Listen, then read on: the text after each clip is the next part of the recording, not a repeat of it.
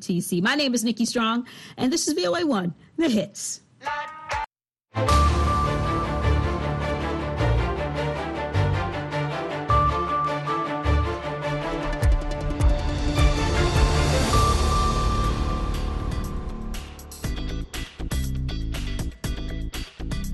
Halkani waa washington laanta af soomaaliga ee v o a oo aad ka dhagaysanaysaan mawjadaha gaagaaban efemyada geeska afrika iyo caalamka o dhan oo aad nagala socotaan boggeena internetka ee v o a somaly com.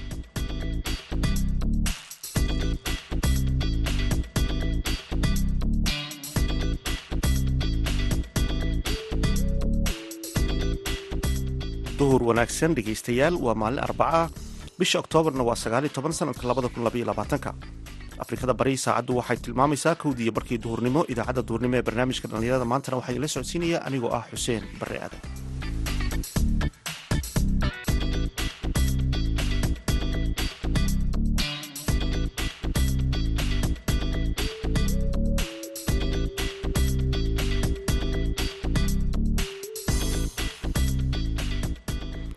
qodobada aad ku maqli doontaan idaacaddana waxaa ka mid ah xirfadleyda caafimaad ee dhallinyarada ah oo sheegay inay adeegyo caafimaad ka hirgeliyeen qaybo ka mida gobolka sool waxyaabaha aan u bartay midwifekana waxaa ka mida gobolka sool wuxuu leeyahay qaybo aad u fara badan deegaamo fara badan oo soo hosgelaya markaan arkay deegaamadaas soo hosgelaya iyo bulshadu sida ay u haystaan dayaca faraha badan abaaraha oo kale iyo wakhtiga iska adeegi jira ee hadda saameeyey deegaamadeenna waxaan ku fekeray in aan barto midwife si aan uga qayb qaato bulshadayda maadaama aan ahay dhallinyarada gobol waxaa kale oad maqli doontaan magaalada muqdisho oo lagu qabtay munaasabad lagu abaalmarinayay goobaha ganacsiyada yaryar ee shaqo abuurka u sameeyey dhallinyarada.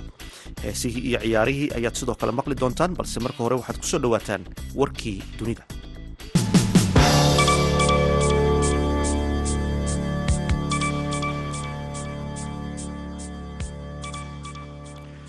militariga kuuriyada koonfureed ayaa sheegay in kuuriyada waqooyi ay boqolaal madaafiica ku garaacday xeebaha bari iyo galbeedka ee dalkaasi. Tani waxa ay daba socotaa weeraro badan oo pyongyang ay ku tilmaantay rasaas digniin ah. Salaasadii taasoo jawaab u ahayd dhoolatuska militari ee ka socda kuuriyada koonfureed. Tijaabada gantaalada kuuriyada waqooyi ayaa sanadkan ku socda xawli aan hore loo arag iyadoo gantaalada riidyada gaaban iyo boqolaal madaafiica ku garaacday meelo u dhow xuduudka ay wadaagaan labada kuuriyo jimcihii war qoraal ah oo uu daabacay amaba ay daabacday warbaahinta kuuriyada koonfureed ayay ku eedeysay kuuriyada waqooyi in ay bilaabayso daandaansi ka sii dari kara xiisada militari isniintii ciidamada kuuriyada koonfureed ayaa bilaabay dhoolatuska difaaca sanadlaha ah ee loogu talagalay in kor loogu qaado awoodda ay u leeyihiin inay uga jawaabaan hanjabaadaha nukliyeerka iyo gantaalada ee kuuriyada waqooyi pyongyang ayaa si cadho leh uga jawaabtay dhaqdhaqaaqyada ciidamada koonfurta kuuriya iyaga oo iyo kuwa wadajirka ah waxayna ku tilmaantay daandaansi iyo hanjabaad. Shirkadda sibidhka ee faransiiska ee lafarge ayaa maxkamad ku taalla maraykanka ka hor qiratay in ay taageertay ururka daacish ee xagjirka ah iyo ururo kale oo argixiso ah lafarge ayaa aqbashay ganaax dhan toddoba boqol iyo toddobiyo toddobaatan milyan oo dollar oo ah lacagtii ay ku bixisay warshadu in warshadeeda suuriya ay sii shaqayso kadib markii halkaasi uu ka bilowday dagaalka sannadkii labadii kun koob iyo tobankii. Dacwad oogayaasha ayaa tilmaamay inay tahay markii ugu horreysay oo shirkad ay maxkamad ku taalla maraykanka ka hor qirato inay caawiso argagixisada.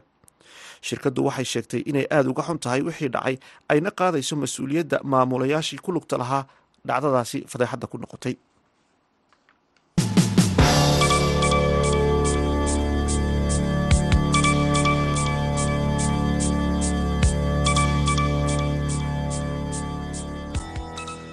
halkaad nagala socotaan waa laanta af soomaaliga ee v o a dhallinyarada laascaanood ee barta caafimaadka ayaa sheegay inay doonayaan inay wax ka qabtaan xaaladda caafimaad ee ka jirta tuulooyinka gobolka sool kuwaas oo adeegyo caafimaad ka hirgeliyey meelo badan oo ka mida gobolka sool. Magaalada laascaanood ee xarunta gobolka sool waxaa ku yaalla goobo kala duwan oo dhanka waxbarashada ah. Goobtana haatan ku sugannahay waa global health science waxaana wax ku dhigta arday aada u badan oo isugu jira wiilal iyo hablo ardaydan ayaa waxay bartaan caafimaadka qaybihiisa kala duwan. Barnaamijka dhallinyarada laanta afka soomaaliga v o a ayaa waraysi waxa ay kala yeelatay qaabka waxbarashada iyo siyaabaha kala duwan ay wax u bartaan. Dhallinyarada da-da yar ee halkani wax ka baranaya oo isugu jira wiilal iyo hablo ayaa ii sheegay fursadda koowaad ay doonayaan inay tahay siday bulshada wax uga bedeli lahaayeen. Yaasiin aadan cawil waxa uu ka mid yahay dhallinyarada aan halkani kula kulmay bismi illaahi raxmaan raxiim alxamdulilahi rabbilcaalamiin magacaygu waa yaasiin aadan cawil.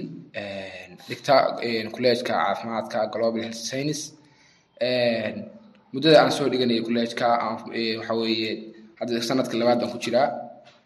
Waxaan ka mid ahay ardayda nersiga maadaama kolleejka uu ka baxo xiisado badan ama fakaltiyo badan ay ka baxaan sida midwayferiga nersiga laabka marka anu waxaan ka mid ahay ardayda dhigata nersiga sanadka labaadooda. Bal waxaad iga warantaa yaasiin waxbarashadan aad ku jirto bal muhiimadda ay kuu leedahay inaad caafimaad barato iyo waxaad ku dowlatay iiga sheekee horta marka la yihahda caafimaad ama muhiimadda waxbarashada horta waxaa la yihahdaa aqooni waa iftiin la'aan. Wax walba aad baratidna waa wax adig ku anfacaya anfacaya dadkaaga anfacaya deegaankaaga anfacaya diintaadaba markaad caafimaadka aan dooranayay horta hamiyada iga guuxay ahayn yaraantaydii waxyaalaha aan doonayo inaan barto ama aan mustaqbal ka gaadho ama aan heer ka gaadho waxa la yihahdo caafimaadka oo aan xiisan jiray ay ka mid ahaayeen. Waxaan igu kalifay anaan bartanaa horta deegaankeena ama gobolka sool waxaa iskaga sii yar goobaha caafimaadka waxaa iska yar shaqaalihisa caafimaadka. Marka waxaan doonayaa insha allah inaan wax ka bedelo aniga dhallinyarada waxla barata ee kolleejka aan ka wada baxno ka wada baxano inaan wax ka bedelno caafimaadka gobolka deegaamada hoos yimaada intaba. Sidoo kale goobta dhallinyarada wax ku barata global health science waxaa ka mid a samiiro maxamuud axmed. Samiiro waxaa ii sheegtay inay doonayso inay caafimaadka barato sidoo kalena ay ugu shaqayso qeybaha kala duwan ee bulshada. Bismillaahi raxmaan raxiim aad baan u salaamaya bulshada. Markii xigta magacay waa samiire maxamuud maxamed. Waxaa ka mid ahay ardayda dhigata kolleejka global health science waxaan ahay ardayda facultyga dhigta midwifeka. Kolleejkayguna wuxuu bixiyaa qaybo fara badan lab nursing iyo midwife. Muddada ay socotona waa muddo laba sanaa hadda waxaan ahay ardayda semester triga ku jirta. Waxaana u bartaa caafimaadka in aan ka caawiyo ama ka garab istaago bulshadayda deegaankayga intaba. Waxyaabaha aan u bartay midwifekana waxaa ka mid a gobolka sool wuxuu leeyahay qaybo aad u fara badan deegaamo fara badan oo soo hosgelaya markaan arkay deegaamadaas soo hosgelaya iyo bulshadu sida ay u haystaan dayaca faraha badan abaaraha oo kale iyo waqtiga iska adagi jiray hadda saameeyey deegaamadeenna waxaan ku fikiray in aan barto midwife si aan uga qayb qaato bulshadayda maadaama aan ahay dhallinyarada gobolka. Sidoo kale ardayda halkani wax ka dhigata waxaa ka mid a nimco ismaan xirsi nimca waxay barnaamijka dhallinyarada laanta afka soomaaliga v o a u sheegtay inay maalin kasta halkan u timaado siday caafimaadka u baran lahayd. Nimco ayaa sheegtay inay maanka ku hayso in ay door fiican ka qaadanayso caafimaadka iyo sidii bulshada qeyb weyn looga noqon lahaa. Bal nimca bal iga waran halkan dadaalkaad ku bixiso iyo waxbarashadanaad halkan ka wadaa asalaamu calaykum waraxmatullahi wabarakaatu waxaan ka mid ahay ardayda dhigata maadaama kolleejka uu bixiya fakallo kala duwan. Waxaan ka mid ahay anigu ardayda dhigata fakalka laboratoryga ama laabka. Waxaan ku doortay laabka marka hore aniga hamigaygu wuxuu ahaa ama waxaan jeclaa guud ahaanba caafimaadka. Marka markaan caafimaadka dhex galay ama aan indhe indheeyey waxaan doortay maadada la dhaho laboratoryga so anigoonba hamigayga ahayd ama aanaa jeclaaday walaahi wax badan baa iiga baxay maadaama marka hore aanan wax fikrada ka haysan caafimaadku wuxuu yahay ama aanan aqoonba. Laakiin hadda wax badan baa ii baxay. Markaan global health imaanayay iyo hadda run ahaantii waxaa i dhexeeya different weyn. Hadda waxaan ahay qof ugu yaraan maareyn kara naftiisa bulshadana wuxuun ku soo kordhin kara mustaqbalka biidni illah waxaan rajeynayaa inaan anigu hadafka marka hore aan leeyahay aan ka rumeeyo ama waxa aan maalin walba halkan u imaado aan juhdigiyo waqtiga u bixinayo inaan buugaag soo qaato imaado global health science. Marka hore inaan taa hadafka ka dhabeeyo ayaan rabaa biidnillah intaa wixii ka dambeeya waxaan rabaa inaan wax ka bedelo bulshadeyda. Wixii aniga lay barayay aan dib ugu celiyo bulshadeyda waqtigii aan bixinayay aan u huro bulshadeyda.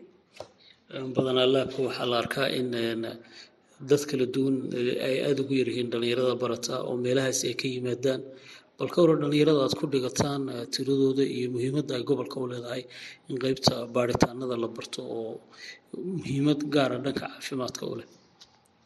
Run ahaantii way yaryihiin ama dadka hadda gobolka sool ku nool oo baranaya aad bay u kooban yihiin laakiin halkan waxaan insha allah rajeynayaa inay noqoto meeshii bedeli lahayd ama ay ka soo bixi lahaayeen dad badan oo maadadaas dhigtay taqaqusna u leh.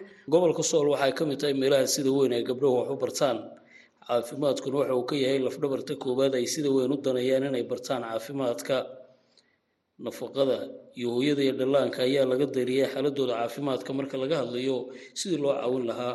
Dikri nolol v o a magaalada laascanood halkaad weli nagala socotaana waa laanta af soomaaliga ee v o a markana aynu ku wada nasanno mid ka mid ah heesahaan idinku talagalnay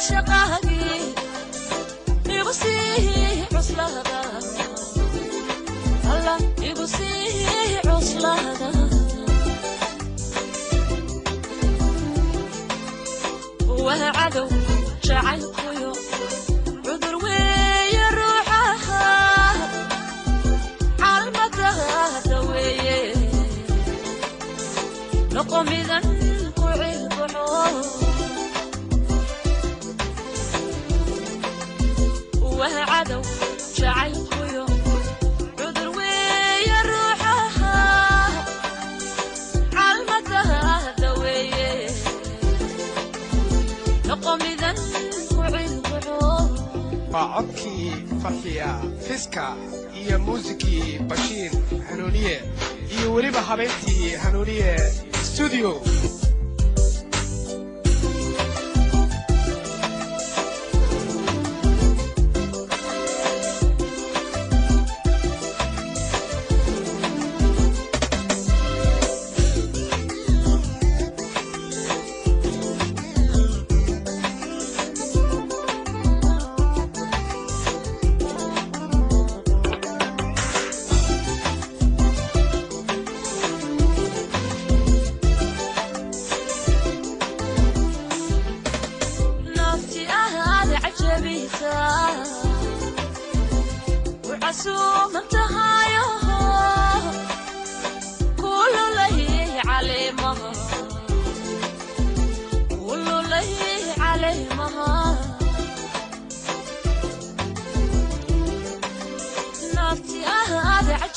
stuudio shadaydo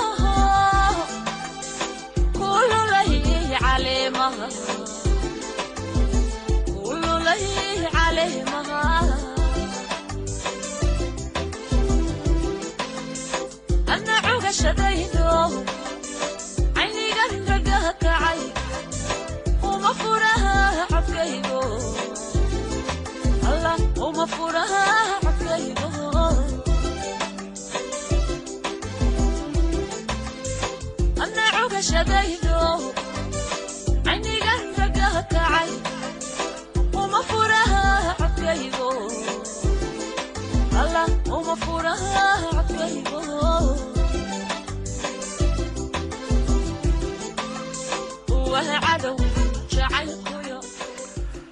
heeskaasi ay nagu luqanaysay fanaanada farxiya fiskalka aad kala socoteen waa laanta af soomaaliga ee v o a.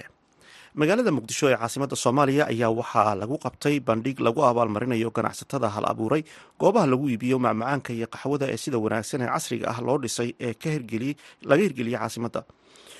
Akram sweets oo ah goob casri ah oo macmacaanka iyo qaxwaha lagu iibiyo oo ku taala maka al mukarama ayaa ka mid noqotay goobihii abaalmarinta helay xaruntan oo ay ka shaqeeyaan ku dhowaad soddon qof oo dhallinyaro ah waxaa dhowr sano ka hor hirgeliyey dhallinyaro wax ku bartay dalka gudihiisa. Wariyaha v o eda cabdicasiis barrow ayaa la kulmay xasan cabdulaahi oo ka tirsan maamulka xaruntaasi waxaana ugu horreyn uu weydiiyey nooca abaalmarinta ee ay heleen. Bismillahi raxmaan raxiim waan dhowahay cabdicasiis.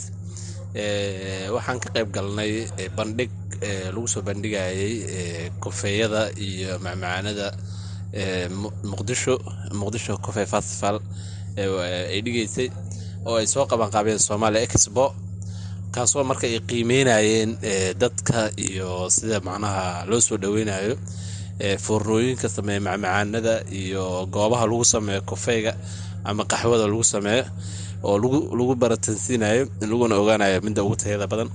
Marka annaga nasiib wanaag waxaan ku guuleysanay inaan noqonnay foornada ama macmalka ugu fiican ee soo saaro macmacaanada. Macmacaanada aad soo saarteen oo aad la yiri adinkaa ugu wanaagsanaa maxaa ka mid aad noo sheegi kartaa?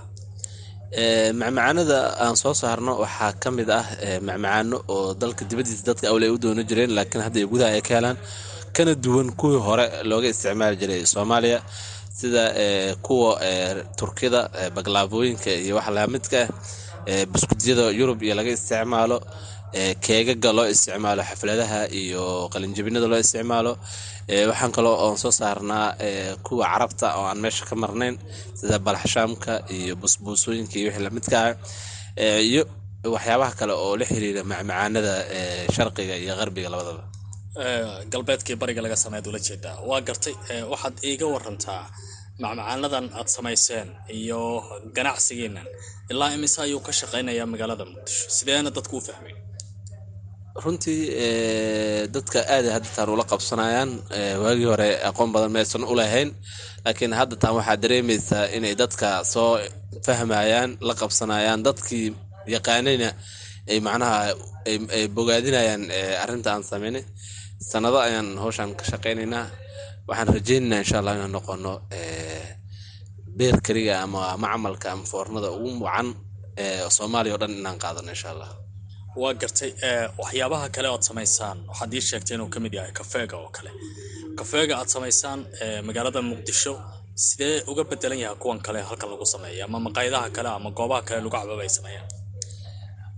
Horta waxaa lahaa soomaalida waxay dhahaan dadka qaar waxaa laisdheeryahay shuutaa laisdheeryahay macnaa waxa ayagoo isku mid ay yihiin haddana xarakada iyo qofka qaabka wax sameynaya iyo farsamada la sameynaya laisdheeryahay marka annaga farsamooyin iyo tababaro oo aan siino dadka goobta ka shaqeeya oo servicekaas iyo adeegaas qabto a waxaa keenaysaa marka inay macnaha dadka kale aan ka duwanaano xogaay waa gartay ganacsigiinan dhallinyaro badanaad joogta waxaa iiga warantaa sida shaqa abuur aad u samayseen maasha allah waxaan u sameynay annagoo haddaba fursadda soo bandhigno.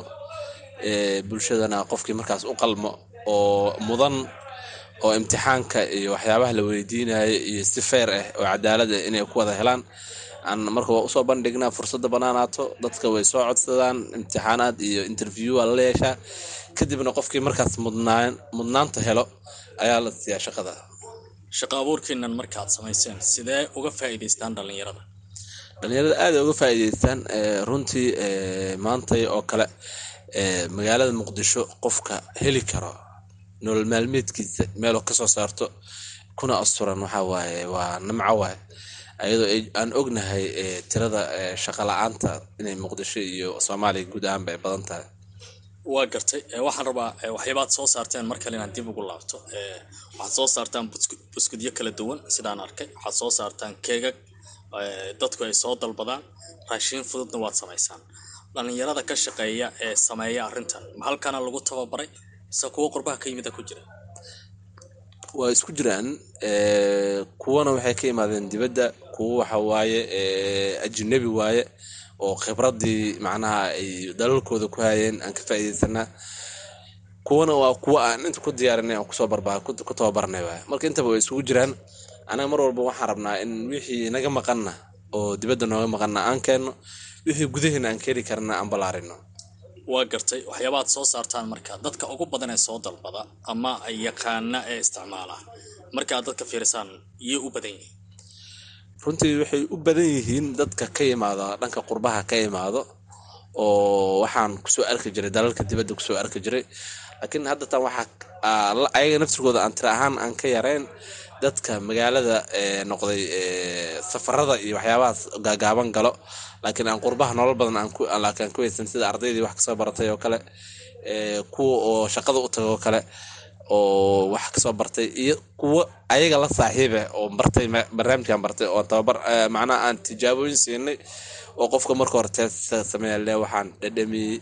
Kadib qofka uula qabsana markuu baranaa waa gartay heegsiga ganacsigeennan ee mustaqbalka dhow iyo kan fogba maxaad rajeynaysaa waxaan rajeynayaa sidaa hore kugu sheegaba inaan noqono home of sweet hoyga macmacaanka inaan noqono anaga. Taas oo ah yoolkeena ugu weyn inaan macnaha soomaaliya aan gaarsiino dalalka dibadda baahiyay u aadi lahaa inay keenaan soomaaliya macmacaanada gaar ahaan.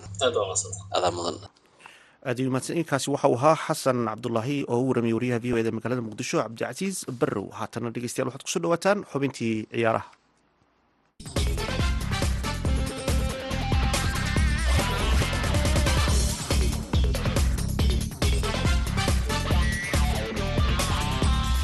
Kulan wanaagsan dhegeystayaal dhammaantiinba kuna soo dhowaada xubinta ciyaaraha. Aan ku bilaabaya horyaalka waddanka ingiriiska kulamo xiiso badan ayaa caawa la isugu soo noqonayaa iyadoo kulamadaasi inta badan kooxaha waaweyn ee waddanka ingiriisku ay ka qayb qaadanayaan. Laakiin kulankii dhex mari lahaa kooxaha kubadda cagta arsenal iyo manchester city ayaa la baajiyey oo taa beddelkeeda kooxda kubadda cagta arsenal waxay la ciyaaraysaa kooxda b s v. Habeenka khamiista kulanka labadan kooxood ayaa ahaa mid hore u baaqday oo la baajiyey wakhtigii loo baruurdiiqayay boqoradii geeriyootay ee waddanka ingiriiska waxayna b s v iyo arsenal habeen dambe ku kulmayaan gegida imarat stadium ee magaalada london kooxaha kale waddanka ingiriiska caawa kulmaya waxaa ka mid a kooxda kubadda cagta f c banmouth iyo southampton brentford. Gurigeeda waxay ku soo dhaweyneysaa kooxda kubadda cagta ee chelsea.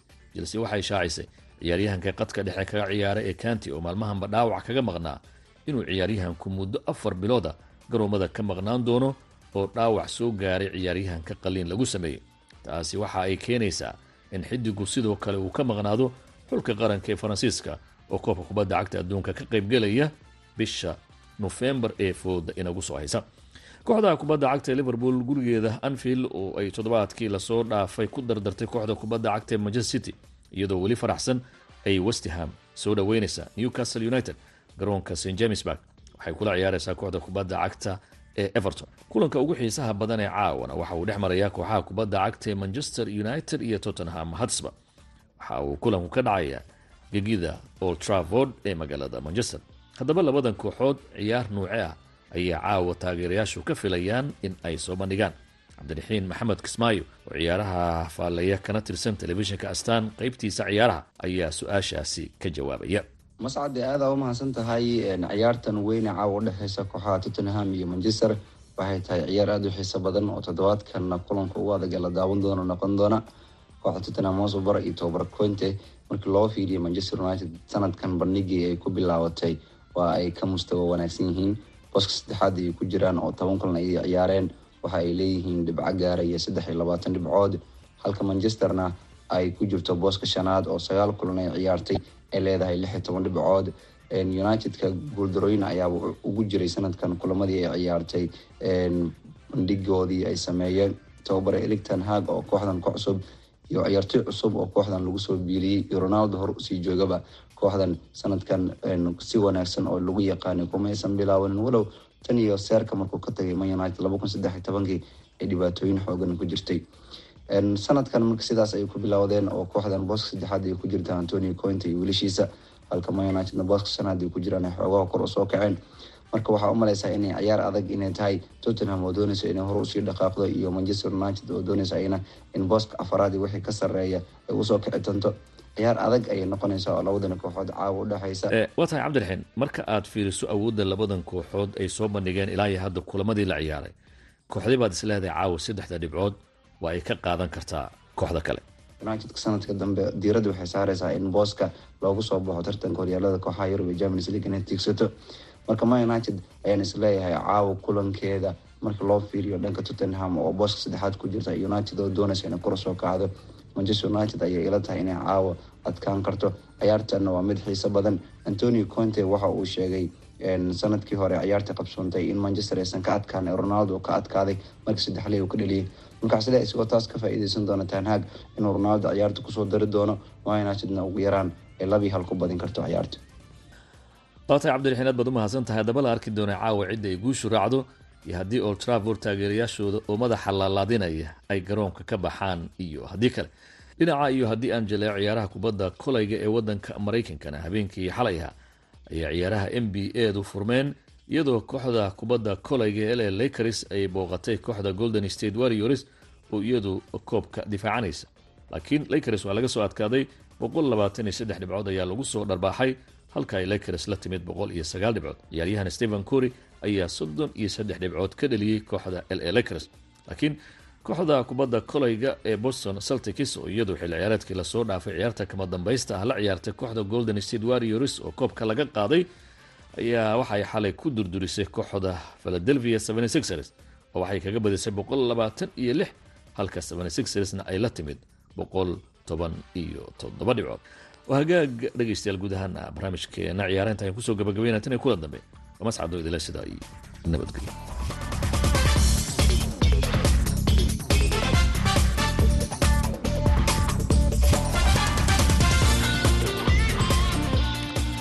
markana dhegaystayaal aynu ku wada nasanno mid ka mid ah heesaha aan idinku tala galnay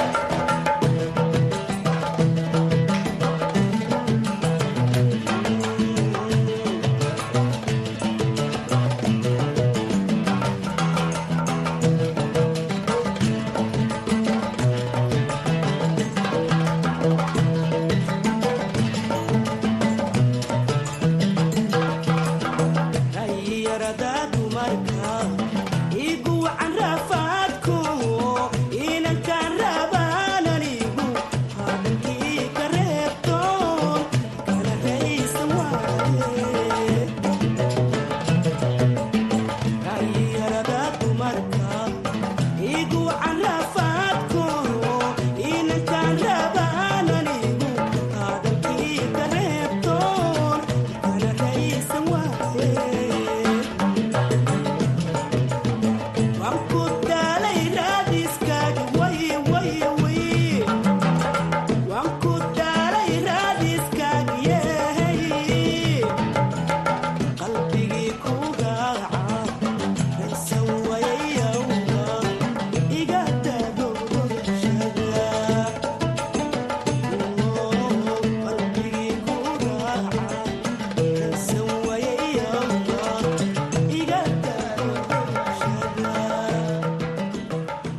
Heeskaasi aynugu luqanaysay fanaanada maryam mursal ayaan ku soo gabagabaynaynaa baahinteena idaacadeed oo si toosa idinka imanaysa laanta af soomaaliga ee v o e tani kota dambe waa dhammaan bahda laanta af soomaaliga ee v o e oo idinle sidaas iyo nabadgelyo